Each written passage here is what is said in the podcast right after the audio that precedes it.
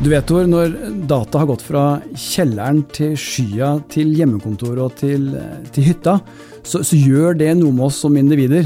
Altså, vi snakker om eh, datasikkerhet, eh, menneskelige relasjoner, arbeidsvaner, økonomiske aspekter.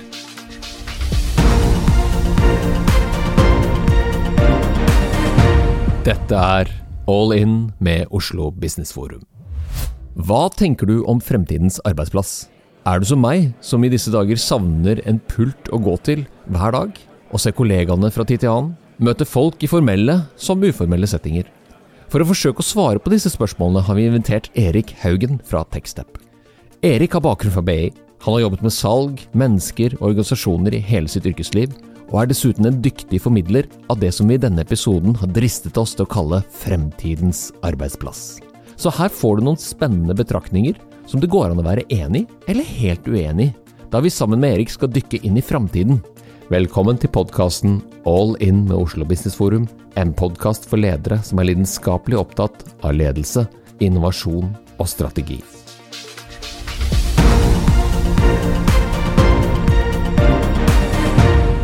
Velkommen, Erik. Mange takk. Vi skal snakke om fremtiden og fremtidens arbeidsplass. Ja, veldig spennende tema. Det er eh, tid for krystallkule, er det det eh, du håper på? Ja, vi har jo en virtuell krystallkule mellom oss, så det er bare å sette i gang. Jeg gleder meg jo til å se kollegaene mine igjen. Kan jeg glede meg til det, eller er det ikke noe å vente på? Jeg tror vel du absolutt kan glede deg til det, og det er jo ingen tvil om at det kommer jo tilbake. Eh, men jeg har lyst til å arrestere deg på én ting litt, sånn, litt i starten akkurat rundt det her. For det er veldig lett at vi nå snakker om hjemmekontoret.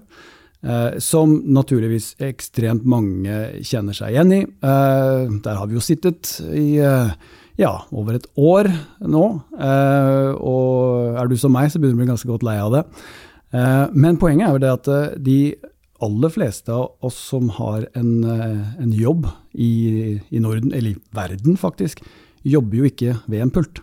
Altså Hjemmekontor er ingen option. De jobber faktisk ikke med kanskje en, en datamaskin eh, i møter, eller om det er eh, ved arbeidsplassen sin på en, et kontor. Altså de, de, dyrker jorda, og de pleier pasienter, og de kjører lastebil, og de graver i jorda for å bygge hus, de eh, monterer hus. Altså, tenk deg alle de oppgavene der ute som pågår hver dag som er en del av eh, det huset, det kontoret du ønsker så gjerne å komme tilbake igjen til, f.eks.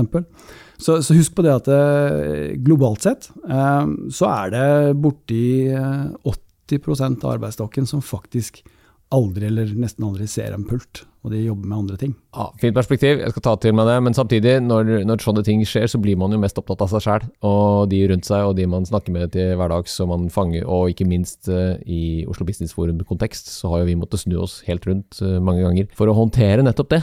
Og det er jo derfor det er spennende å snakke med deg også. Uh, fremtiden slik du ser den, Erik? Jeg tenker jo i hvert fall først og fremst at uh, en ting jeg gleder meg mest til, hvis man skal ta det perspektivet først, er jo uh, å komme litt nærmere på mennesker igjen. Mm -hmm. uh, som leder så har dette året vært krevende. Fryktelig krevende. Jeg leste et sted en toppleder som, som, som kommenterte at hennes organisasjon føltes mindre ut. Den føltes som den krympet. Og, og, når hun ble bedt om å utdype det litt, så handlet jo det om at hun jobbet jo nært på sitt team, og det fungerer jo selvfølgelig greit på Teams, det, eller Zoom, eller, eller hva det måtte være. Men den utvidede gruppen var mye mer krevende. Mm. Eh, det å se organisasjonen osv. Så, videre. så det er jo klart at fremtidens arbeidsplass, eh, hvis vi skal ta vi, vi kontormenneskene, da, eh, så er det jo klart at vi, eh, vi har vel lært nok i løpet av det siste året at eh, vi både kan jobbe hjemme, og på kontor. Og selv om jeg tror nok ikke vi skal sitte på hjemmekontor alle sammen hele tiden, men jeg er også ganske sikker på at vi ikke hele tiden bare skal sitte på kontor. Og det briljante her nå er at jeg tror vi får en lærdom i det vi har gått gjennom, som sier at hjemmekontor fungerer for noen ting, og kontoret fungerer bra for andre. Zoom og Teams fungerer kanskje dårligst for workshops, men det kan fungere for et enkeltmøte. Eh, jeg tror at vi, eh, vi, vi, kommer til å være i en situasjon hvor vi greier miksen mye bedre. Og tross alt, det er jo ingen som kan si at eh, det ikke går an å ta et kundemøte på, på videotelefoni lenger. Altså, den argumentasjonen er på en måte ute av verden. Og Det er jo litt artig å, å, se på dette utvikle seg, for disse, disse, denne teknologien er jo ikke ny på noen måte. Jeg har vært her i 20 år, mens læringskurven var bratt i begynnelsen. Og så har den kanskje stabilisert seg på et sånt godt nok-nivå.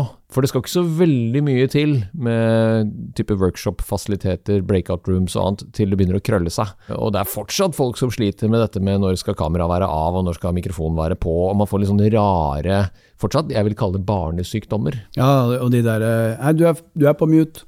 Altså, vi har jo fått en egen sjargong rundt alt dette her, så teknologien er jo er, om, om, den ikke er hemmende, så er den ikke alltid Den bringer ikke ut det beste i oss, da, og, og, beste i en situasjon. Det er vel det vi har kanskje også lært. Vi må få datamaskinen til å forstå hvordan vi tenker. Ja, det er, er det mange som prøver på. Ja, men det, det har vi jo snakket om i altså, fremtids... Eh, hva kaller vi eh, profeter? Snakker jo om det at det neste grensesnittspranget vil være når vi kvitter oss med glassplaten og tastaturet og musen, som ble oppfunnet på 50-tallet, ja, og som vi, som vi, fortsatt er avhengig av. Vi klarer ikke å interagere med, med prosessoren sin logikk før vi får en annen måte å kommunisere med den på. Ja, Det er veldig interessant. og Fra et jobbperspektiv så, så, så vi, vi, jobber mye med, med, med, dingser. Og det er jo da et spørsmål om når, er, når, blir dingsen borte? Altså Når blir det noe annet? Og Det syns vi er veldig, veldig, spennende å følge med på. Men eh, tilbake igjen til teknologien som du nevnte, som, som ikke er ny. Og Det syns jeg er et veldig spennende punkt. da, For vi har jo hatt eh, videotelefoni eh, i en årrekke. Og vi har hatt uh, laptoper, og vi har hatt uh, internett hjemme, og vi har hatt altså alt det som vi har hatt uh, nytte av nå i det siste året, er jo ikke nytt. Det har bare blitt utnyttet på den måten det var tenkt. Og så kan man jo stille seg spørsmålet hvorfor skjedde ikke det før? Og, og man kan jo lese mye om denne, det som amerikanerne ofte kaller zoom fatigue. Eh, og noen går jo Jeg leste på en lang artikkel på LinkedIn her hvor, hvor noen egentlig mente at så fort vi har sjansen, så kommer vi til å skru av det kameraet så fort det er mulig. Og, det er nok kanskje litt sannhet i det. For husk på en teknologi som har vært tilgjengelig så lenge, men som egentlig ikke begynte å bli brukt før du absolutt måtte. Det er ikke gitt at det blir video i alle samtaler eh, når vi en gang kommer tilbake til som da blir den, ja, den eh, enda nyere normalen. Eh, så, så, det er den der fine balansegangen mellom hva er det What works for you? Altså, hva, hva, hva, gjelder for din bedrift, for, for, den jobben du utfører? Men samtidig eh, så blir det mye enklere å utfordre en del eh, jeg sier i anførselstegn sannheter på hvordan det må eller skal være. Det vil jo kreve for en organisasjon og si det at du, nei, men det er greit det at du jobber hjemmefra, eh, primært eh, mesteparten av tiden, og så er du inne på kontoret innimellom. Og så må vi lage regler for det, og så må vi finne ut hvordan det skal fungere. og så Her er det mange ting vi skal lære oss underveis. altså Det er masse tilpasning som vi må være forberedt på eh, at kommer. Ja, og Som leder og eier så har man jo den egentlig største påvirkningsmuligheten gjennom hvordan man velger å organisere, eller hvordan man posisjonerer seg i forhold til kontorutgifter. For dette er jo et regnestykke. Morten Hansen har jo vært innom dette. Vi hadde han som gjest i podkasten. Han var også gjest på The New Normal. Og hvor han snakker om at dette vil jo være veldig interessant å ha data på, og se hvor effektive folk er i produksjon, som du nå helt riktig også har sagt, kontra det der behovet vi har for å møtes innimellom. Telenor har jo drevet og kommunisert. Først så var det jo veldig tydelig på at nå skulle alle bare jobbe hjemmefra, men så ville jo folk komme og møtes. Og så prøvde de å lage sånn rulleringsopplegg. For folk vil jo også være De har jo egeninteresse, vet du, disse ansatte. De vil jo på hytta på mandag og torsdag. Så da vil de jo ikke ha møter fysisk. Så alle vil på kontoret tirsdag til torsdag. Og det er jo uh, i en pandemi et problem. Men til vanlig kanskje ikke. For altså, hvor, Hvorfor drar vi inn på kontor? Ja, det går jo for å treffe våre kollegaer. Så er det jo fint at vi alle er der på, kanskje på samme dagen. I, i samtidig omtrent med at Telenor annonserte sin, sitt ståpunkt, så sa jo KPMG at nå skulle de gjøre om på hvordan de håndterte sine headquarters. Altså, de har jo mange rundt i verden. ikke sant?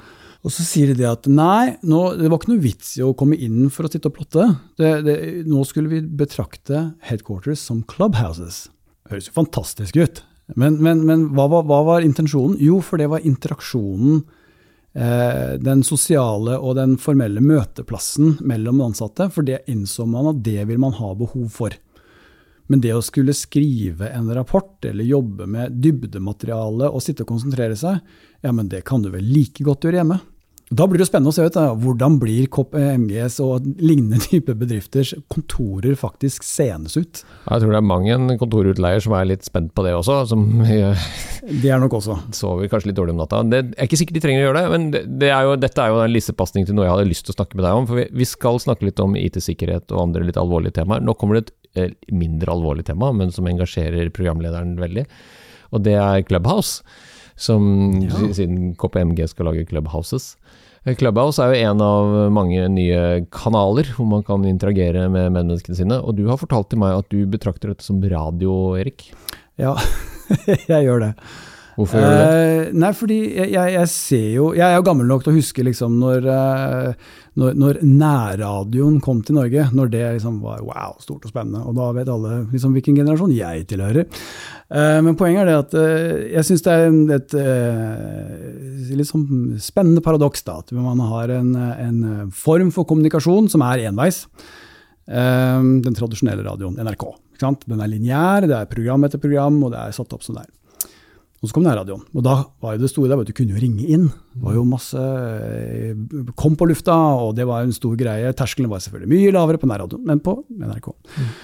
Og så kom vi da til neste steg, hvor vi får podkasten, som egentlig er nærradio on demand. Eh, lytt på når du vil, om du er på tur med bikkja, eller om det, du sitter i en bil eller på vei til jobb, eller hva det måtte være. Og nå har vi på en måte liksom, jeg synes, gått litt full circle, så vi er liksom til, nå tilbake til noe som er lineært, og så noe som man da ringer inn til og deler sin mening eh, om et eh, gitt tema. Oi, oi, oi. Her har jeg da som programleder et stort, eh, stort problem, for at jeg er helt uenig. Eh, jeg, synes, ja, jeg, kan, jeg skjønner analogien med, med nærradio og det lokale, men det er jo få ting jeg de siste, siste månedene har blitt mer irritert over enn sånne samtaler på Clubhouse. Jeg har rituelt nå logget meg av. Jeg har jo lært at jeg, jeg blir nok aldri helt logget av uansett, for jeg har jo lagt noen digitale spor der siste Clubhouse-samtalen jeg hørte på. Da måtte jeg faktisk gå en tur etterpå, for jeg ble så forbanna. Hvorfor det? For jeg, mener at her, det man gjør her, at man har laga et forum og en kanal som er altså bare overfladisk babbel, og den eneste dette er til interesse for, er de som organiserer det. Og det er jo ganske morsomt, for at uh, OBF har jo profilert seg veldig på dette, og, det, og de er kjempeflinke flinke til å fasilitere for at dyktige, karismatiske folk med gode talegaver kan bable i vei. Og så er det en null substans, mener jeg. Det er ikke noe nytt. For dette er egentlig bare en tørketrommel av bare masse små overskrifter som bare blir nevnt. Og så kommer det ingen diskusjon i forlengelsen av det, som jo er radioens og kanskje også podkastens store læringseffekt. da. Det er bare name-dropping og hyllest. Så det er egentlig eh, at du inviterer dine nærmeste, eller dine kuleste venner til en diskusjon om noe dere allerede er enig i? Er det det, det er de kule kidsa som møtes i, i, i, skolegården. Og jeg har aldri vært noe glad i de kule kidsa, for jeg mener at det er en grunn til at de er kule. Og det er for at de har fått med seg hva som er det, det som kommer, og hva man må snakke om, eller hva man må kle seg i. Mm. Mens den påvirkningen man har, er egentlig ganske skummel. Og det er jo der jeg skiller meg fra veldig mange andre, jeg er veldig klar over det. Jeg syns det er ganske skummelt. Fordi at man da, ved å høre på dette, så opplever man at ja, men nå er jeg oppdatert på hva som skjer. Men der hvor nærradioen kunne være ganske underholdende, for der kunne man jo få litt sånn originale typer som ringte inn eller var med på bingoen eller hva det måtte være, og lokal eh, reklame og litt sånt, så er bare det er dette greiene her, det er bare trist. Jeg tror jeg må, jeg tror jeg må sette meg litt nærmere inn i dette greiene her, jeg tror. Men jeg tenker det at uh, sånn umiddelbar reaksjon da, er vel at uh, det er såpass mange kanaler, så mange veier å bli påvirket, om du leser det, om du ser det, om du hører det at uh, om det er en diskusjon på Clubhouse, er jeg ikke sikker på om, om den former noe mer eller mindre enn en, en andre steder. Nei, og hvorfor skal den i det hele tatt eksistere som kanal? Nei, det er vel det er bare støy. Ja, du mener det, ja? ja. ja jeg er ikke helt sikker på, jeg er helt enig, det er støy. men, ja, for det er eh, nytt, vet du, og det er kult, og det er å, vi har hørt litt om dette før. Men nå skal vi slutte å snakke om eh, Clubhouse, vi er jo ikke enige om dette, og det er fint. Det, det skal man jo Det blir spennende å være med på Clubhouse en gang. Jeg, det, vi kan snakke om det da. Jeg har vært med en runde, skal vi se om hva, hva, om jeg har fått en, et annet blikk på det da. Ja, lykke til. Jeg har laget meg av. Eh, og til dere andre også, lykke til. Eh, det vi egentlig snakker om her, er adopsjon. Og uh, adopsjonsprosessen, altså den der diffusjonsprosessen når man tar inn over seg noe nytt, den kan du egentlig dele i fem. Altså er, du har de tidlige innovatørene, og så har du tidlige brukere, tidlig å se en majoritet, og så etternølere. Hvor er du hen i en sånn inndeling av eh, populasjonen? Ja, det er interessant spørsmål. Eh, jeg liker nok å si at jeg er en eh, early adopter. Men så Så ikke en innovatør, da? ja, men, Nei, jeg, sitter ikke der, skjønner du. Nei, du For jeg- jeg sitter ikke og kjøper ting på, Ja, før du har kommet til landet? Ja, nei, jeg titter gjerne litt gjennom. Jeg, jeg liker å gjøre litt research. Og så noen ganger så tar jeg meg da i å være en early eh, majority, som liksom må overtales litt. Det er litt, uavhengig av, litt avhengig av ulike ting.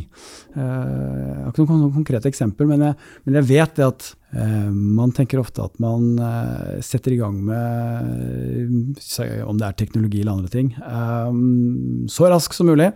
Men noen ganger så jeg må innrømme at jeg sitter nok og ser litt på det. Uh, vurderer det. Og, og, og, ikke nødvendigvis hopper på med en gang. Det er kanskje derfor jeg ikke har hørt på alle Clubhouse-episodene uh, så langt uh, til nå, i hvert fall. Men jeg fikk en invitasjon, da, så jeg var jo inne og tittet, for å si det sånn. Men, men eh, jeg tror nok jeg ofte er nok mer i den der eh, early majority eh, og early adopter et eller annet steg.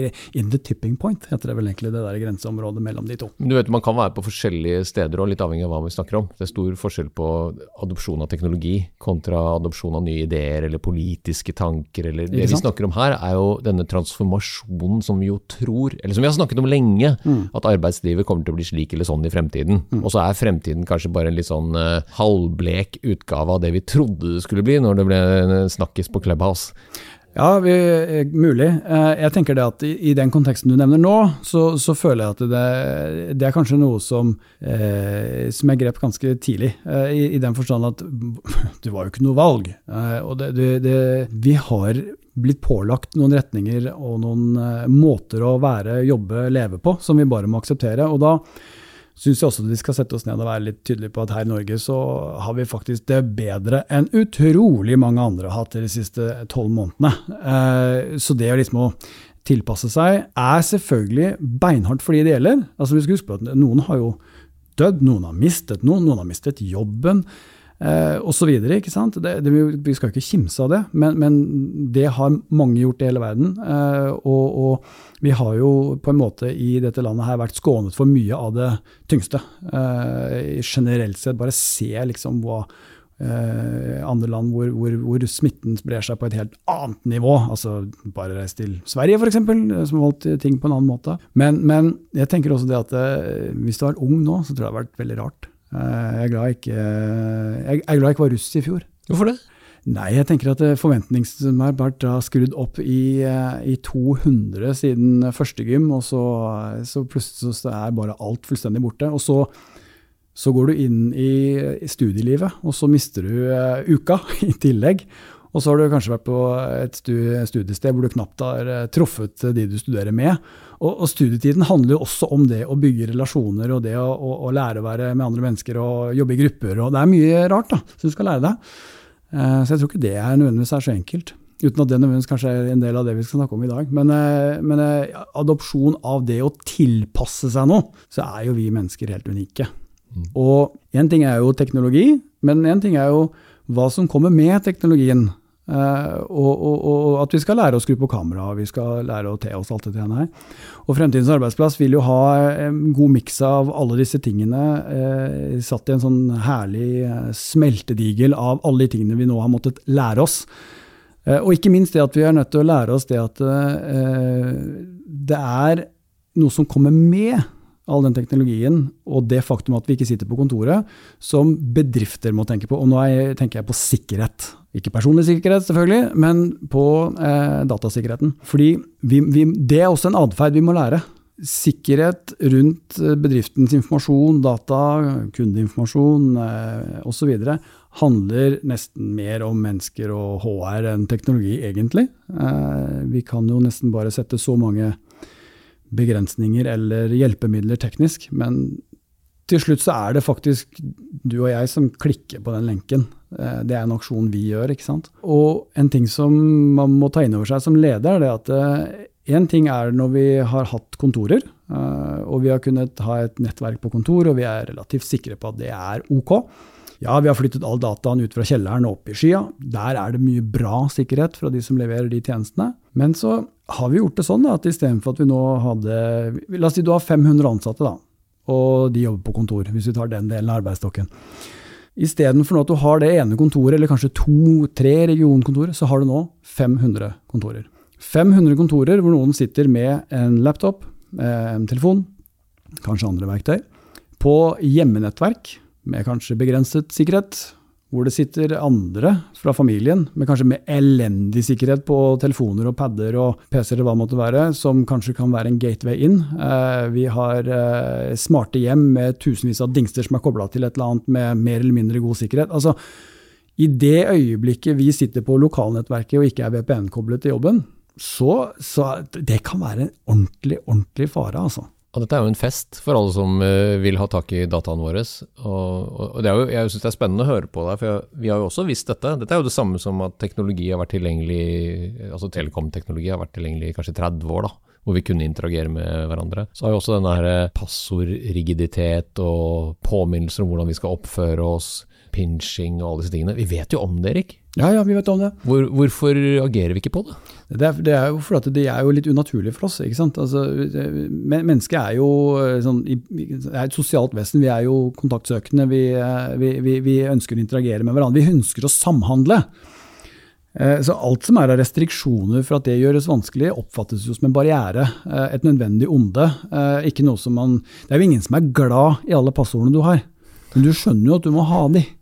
Men det er jo ingen som er veldig fornøyd og glad for at du har de. Men det må til. Og vi har ikke fått noen færre med det siste. Og så finnes det teknologi som gjør det enklere. Sånne ansiktsgjenkjenning og fingeravtrykk og alle sånne ting, som, er, som selvfølgelig gjør verden litt enklere. Eh, men en, en, morsom liten digresjon da, det er jo at når IT-avdelingen sier at vi skal bytte passord ofte, for at vi, de går ut på dato av en eller annen grunn, så, så, hva skjer da? Da har du jo et eller annet ord, forhåpentligvis er ikke det passord eller eh, et eller annet sånt, men du har et eller annet, et eller annet ord, og så har du én eller to eller tre. altså Du har jo bare begynt på én, og så har du jobbet deg oppover. Eh, etter hvert som du eh, vet at du må bytte denne, dette passordet så mange ganger. Det paradoksale interessante med det er jo det at så sier de ja, nei, men du må legge inn sånne litt kompliserte passord. Ja, hva er det for noe? Jo, det er sånn med kombinasjoner av tall og, og bokstaver og tegn og noe som kanskje ser helt absurd ut. Altså Hvis du får sånne passord passord-suggestions eh, fra Apple, f.eks. Eh, så de, det er jo helt, Du er jo ikke sjans til å huske de. Altså Om livet ditt står i fare, så kan du ikke huske den, den koden. ikke sant? Det er jo hackeren og datamaskinen veldig god til å krakke. Sånne sprø, rare kombinasjoner av tall og, og, og, og tegn. Hvorfor det? Nå skal, jeg visste jeg skulle stille det spørsmålet. Altså hvis du, hvis du, tenker deg hvordan du roterer gjennom når du hardcracker, da. Det er jo bare å prøve x antall kombinasjoner. og det er klart at Jo lenger den er, jo større, større sjanse er det at den ikke blir, blir, tatt. Men til slutt så blir jo alle koder blir jo tatt, bare du har mange nok muligheter. ikke sant? Det som eh, datamaskiner sies har større utfordringer med, det er logiske ting. Altså F.eks. hvis du hadde tatt et, eh, et, eh, et vers fra en bok du er glad i, en, eh, en, setning som du alltid husker, og så selvfølgelig kaster inn et ett-tall og en tretall og du vet, en tegn og litt sånne forskjellige ting, så kan du lage deg et ekstremt sterkt passord som kan være 50 karakterer langt, som du alltid vil huske. Ja? Det må jo være mye bedre enn at det står uh, Thor er uh, glad i uh, Er ikke glad i Clubhouse. 1, 2, 3, 4, 5, 6, 7. Nei, det er passord 1, og så er det passord 2, ja. og så er det passord 3. Ja, Forhåpentligvis ikke så ille. Ja. Nei, det, er jo, det, er jo, spennende å tenke på at det vi nå går inn i fremtiden med, som, med alle dets muligheter og begrensninger, så står det jo fallet på oss, da. Altså brukeren. Og det er jo eh, Der vi er, eh, og er på vei, er jo en, en, hverdag hvor vi må forholde oss til at du og jeg kommer til å jobbe på utrolig mange steder. Vi forventer at vi skal kunne jobbe hjemme. Vi forventer at vi skal kunne selvfølgelig jobbe på arbeidsplassen vår. Eh, på en kaffebar. Eh, kanskje en gang vi får til og med lov til å fly et sted. Eh, og reise. Eh, så det kan være på et hotell eller en flyplass, eller, eh, eller på hytta, da, selvfølgelig. Vi forventer at alt det skal fungere prikkfritt.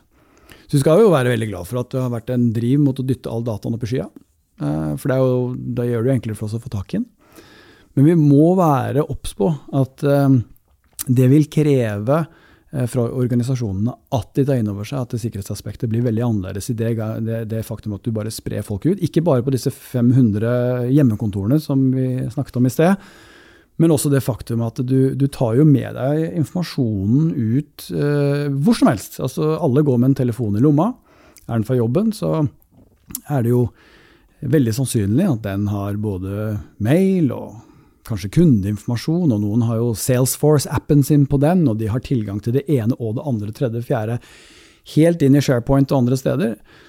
Det er jo klart at når du drar den med deg hvor som helst, og da mener jeg hvor som helst Du legger jo ikke fra deg den eh, laptopen du sitter med der. Den, du tar ikke med den til bassenget på ferie, men du legger fra deg telefonen på en solseng i Syden, og så går du i bassenget. Og det krever jo også at alle må ta inn over seg at eh, kanskje for det første det ikke er så lurt, at du kanskje skal bare i hvert fall legge den litt unna, men at vi tar med oss den informasjonen som både er vår personlige og bedriftens data, hvor som helst. Det er en konsekvens av det at vi skal kunne jobbe hvor som helst, og når som helst. Én eh, ting er alt dette aspektene rundt hvordan vi er som mennesker og, og interagerer med hverandre, hvordan vi jobber og hva, eh, hvor arbeidsplassen er. Men hvilke konsekvenser det er for bedriften rundt. Det, det, det er ikke noe vei utenom. Kan, jeg tror ikke en, en, en, en, arbeidsgiver som sier at nei, hos oss sitter alle på kontoret hele tida, eh, og har ikke, du har ikke tilgang til eh, å kunne jobbe utenfor arbeidsplassens fire vegger. Jeg tror ikke den blir veldig attraktiv. Eh, så det vil si at eh, vi må ta inn over oss både det at vi må gi folk verktøy, og så må vi gi dem muligheten til å jobbe hvor som helst, når som helst, og så må vi gi dem sikkerheten for bedriftens eh, del. For å være litt filosofisk her, da, Erik, så er det det som jo egentlig har skjedd, er at man gikk jo fra en tilstand hvor man skilte mellom jobb og privatsfæren. Mens nå er jo med devicene, som det så fint heter på norsk, så er man jo tilgjengelig 24-7. Og mange av oss gjør jo det. Leser jo e-post, og man følger opp på, på den samme hardwaren som, man, mm. som man også er på en måte privat, da, og bestiller flybilletter. og man er... Så jeg, jeg tror det kanskje det vi burde ha diskutert oftere om dette med fremtiden, er rett og slett den derre når klarer man å skille på når man er tilgjengelig for arbeidsgiveren? Hvordan ja. gjør dere det i Techstep? Eh, vi har ingen retningslinjer på når du skal, skal ikke, kan ikke, kan ikke jobbe. Du vet Arbeidsmiljøloven fra 1977 regulerer jo overtid til alt etter ja. klokken ni. er jo egentlig straffbart, eller Med lovbrudd. Med en rekke mennesker som har det ute av kontrakten sin fordi de har en særskilt egnet jobb osv. Så så det, liksom, det, jo, det, blir fort et definisjonsspørsmål, ikke sant? og, og den, er, den, er, vanskelig. Mm. Ikke sant?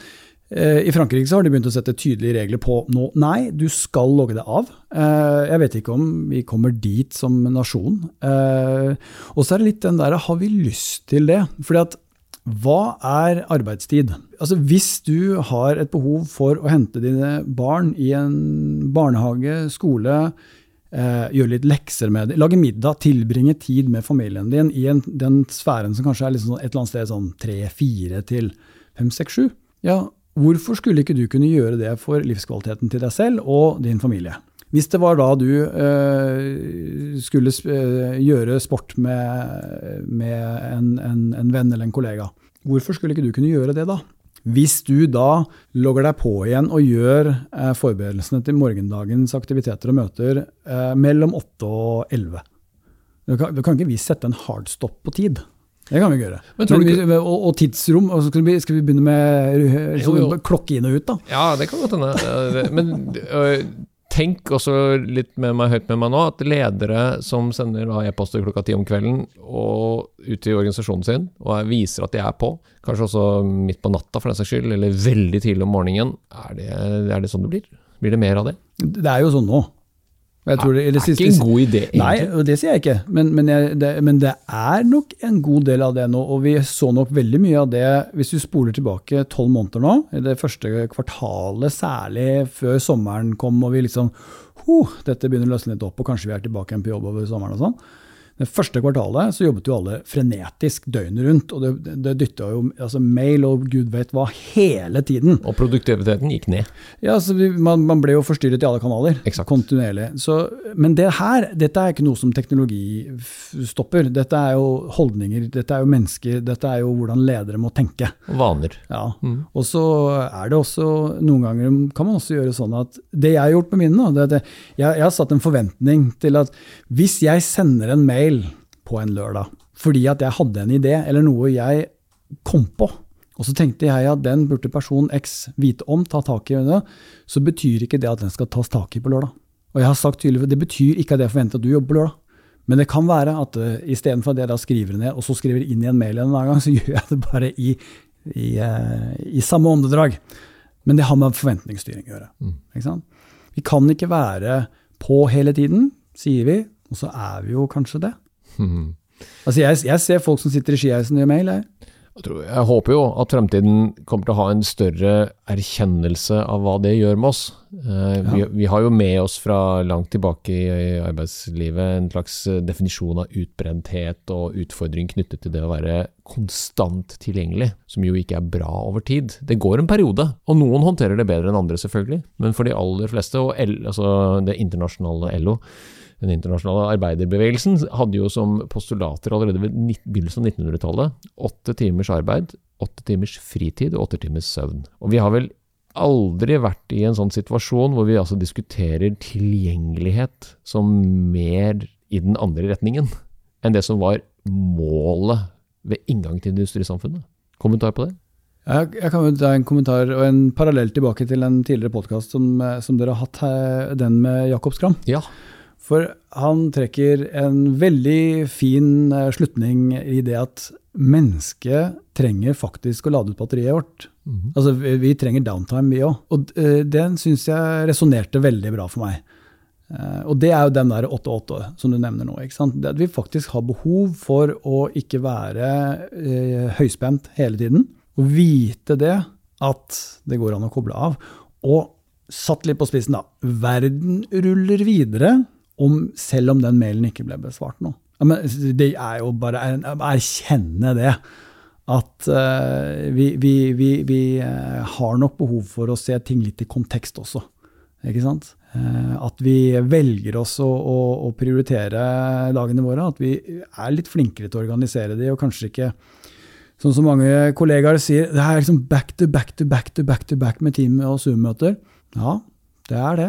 Men den eneste som kan kontrollere om det blir eller ikke blir det, er jo eh, til slutt deg selv, da, på en måte. Hvordan du da enten ikke gjør deg tilgjengelig, eller foreslår en annen tidspunkt, eller løser det på en annen måte. Eller, altså, og så vet jeg det er selvfølgelig krevende. Men hvis man ikke sier fra selv, hvem skal si fra da? Jeg skal begynne å oppsummere dette her, for denne samtalen om framtiden har jo tatt alle mulige retninger som jeg håpet på, og jeg er veldig glad for det, Erik. Jeg har notert meg at vi må huske på, note to self, sa Tor, at ikke alle er på hjemmekontor, og ikke savner det heller, for at de driver med helt andre ting. Det er spennende da, og i framtiden å se hvor dypt disse vanene som mange har tilegnet seg nå under denne unntakstilstanden sitter. Altså vil vi fortsette å bruke eh, egentlig ganske gammel teknologi til å interagere med hverandre når vi da kan møtes med vaksiner vaksinasjonsbevisene våre. Clubhouse som en bitte liten parentes sett fra mitt perspektiv. Du må komme tilbake til meg, Erik, når du har satt deg litt dypere inn i dette her. Det gleder jeg meg til. Sikkerhetsaspektet, viktig poeng, folkens. At det har jo gått, jeg likte metaforen din, fra kjelleren opp i skya og nå hjem og på hytta. Som jo er en sånn enkel ting å tenke på hvis du er leder og, og vet dette, men kanskje litt sånn mm, kommet litt bakpå i forhold til hvordan lager man regler, og hvordan følger du opp folk som jo, du ser at de klarer å koble seg på opp, men på hvilket nettverk er de egentlig kobla? Og hvor mange sugerør er det inn i den datastrømmen? Veldig bra innspill. Jeg likte også veldig godt bli glad i passordene dine. Og rett og slett ha et forhold til dine egne vaner som det du, der du logger deg på, og hvordan du har endra passord 1 til passord 2. Eh, mange nok ganger til at systemet sier ifra at nei, Tor, det kan du ikke gjøre. Og så min favorittpåminnelse eh, til flere av mine gjester, da, det er at vi kommer jo også fra vi er jo overgangen fra industrisamfunnet til noe som mange har prøvd seg på definisjoner på. Du, heldigvis gjorde ikke du det. Det var ikke noe sånn Norge 6-0 her, takk for det. For det, det er, det, da, da, går jeg i hvert fall i, i klikke i vinkel. Men at vi trenger å lade batteriene våre, og det sliter veldig mange med. Min lille take på det, som du må love meg å ta en siste kommentar på, er at jeg tror folk misforstår hva flinkhet er. De blander flinkhet med en eller annen idé om at du skal svare og respondere på alt. Det går ikke. Fordi at man, hvis man er flink, så laster man bare på seg enda mer, og så blir det der med å være produktiv et slags mål, mål på at oi, jeg kan ikke ha noen ubesvarte e-poster i innboksen min inngang til helgen, for da må jeg jobbe i helgen. Ja, Det blir i hvert fall utrolig slitsomt. Og hva slags framtid blir det, Erik? Nei, og det, det, det, er jo ikke gangbart, ikke sant. Og det, noen går jo så langt som de sier at vet du hva, jeg, jeg har slutta med e-post. Jeg har faktisk en kunde som sier at bare du må ringe meg eller sende meg SMS, for jeg svarer ikke på e-post. Jeg syns det var en ganske modig eh, beslutning å ta. Uh, og det fungerer jo på et vis, for jeg når jo han på den andre kanalene. På den gamle måten, Erik? Ja, det kan man kalle det. Uh, og, og, men, men, men, flink, da. Hva er flink? Um, igjen til Jakob, da, som sier at ikke vær så bekymret for at lederen ser deg. For at trust me with you. Uh, og, og, det blir bedre når det er genuint enn når det er uh, påtatt. Men, men, uh, men, hva er flinkhet? ikke sant? Altså, um, en litt interessant aspekt som jeg syns lederne også skal tenke på, det er hvordan de nå, når vi kommer inn i en verden hvor vi kan velge om vi skal være på jobb, hjemme eller hytta eller hvor det måtte være, hvordan ser du dine ansatte da? Hvordan definerer du flink? Hvordan definerer du hvem som er den som leverer eller ikke? Og da får vi en sånn litt interessant er det da, Blir du belønnet for å være inne? Blir du perifer og litt distansert hvis du er borte? Og hvordan har det eh, en effekt på blir jeg forfremmet? Hvordan har det med lønnsutvikling, ansvar osv.? Det er, kommer til å bli en veldig krevende ting for ledere, tror jeg. da. Fordi det er veldig naturlig å revertere til de, Hvis lederen er på jobben, så ser du de som er på jobben. Men hvis du har sagt at det er greit å være hjemme, så må du også stå for det. altså. Og det er også en sånn spennende ting med hvordan dette her verden kommer til å se ut når vi nå kommer tilbake igjen til noe som eh, ikke blir helt sånn som det var eh, før, men en, eh, en, blanding av det vi har eh, måttet tvinge oss gjennom, og det vi eh, kunne fra før. Strålende. Tusen takk for betraktningene dine og samtalen, Erik. Bare hyggelig. Veldig hyggelig å være her. Og lykke til med fremtiden. Takk, du også. Hvis du likte denne podkasten, hadde vi satt utrolig stor pris på om du abonnerte og gir oss en tilbakemelding i avspilleren.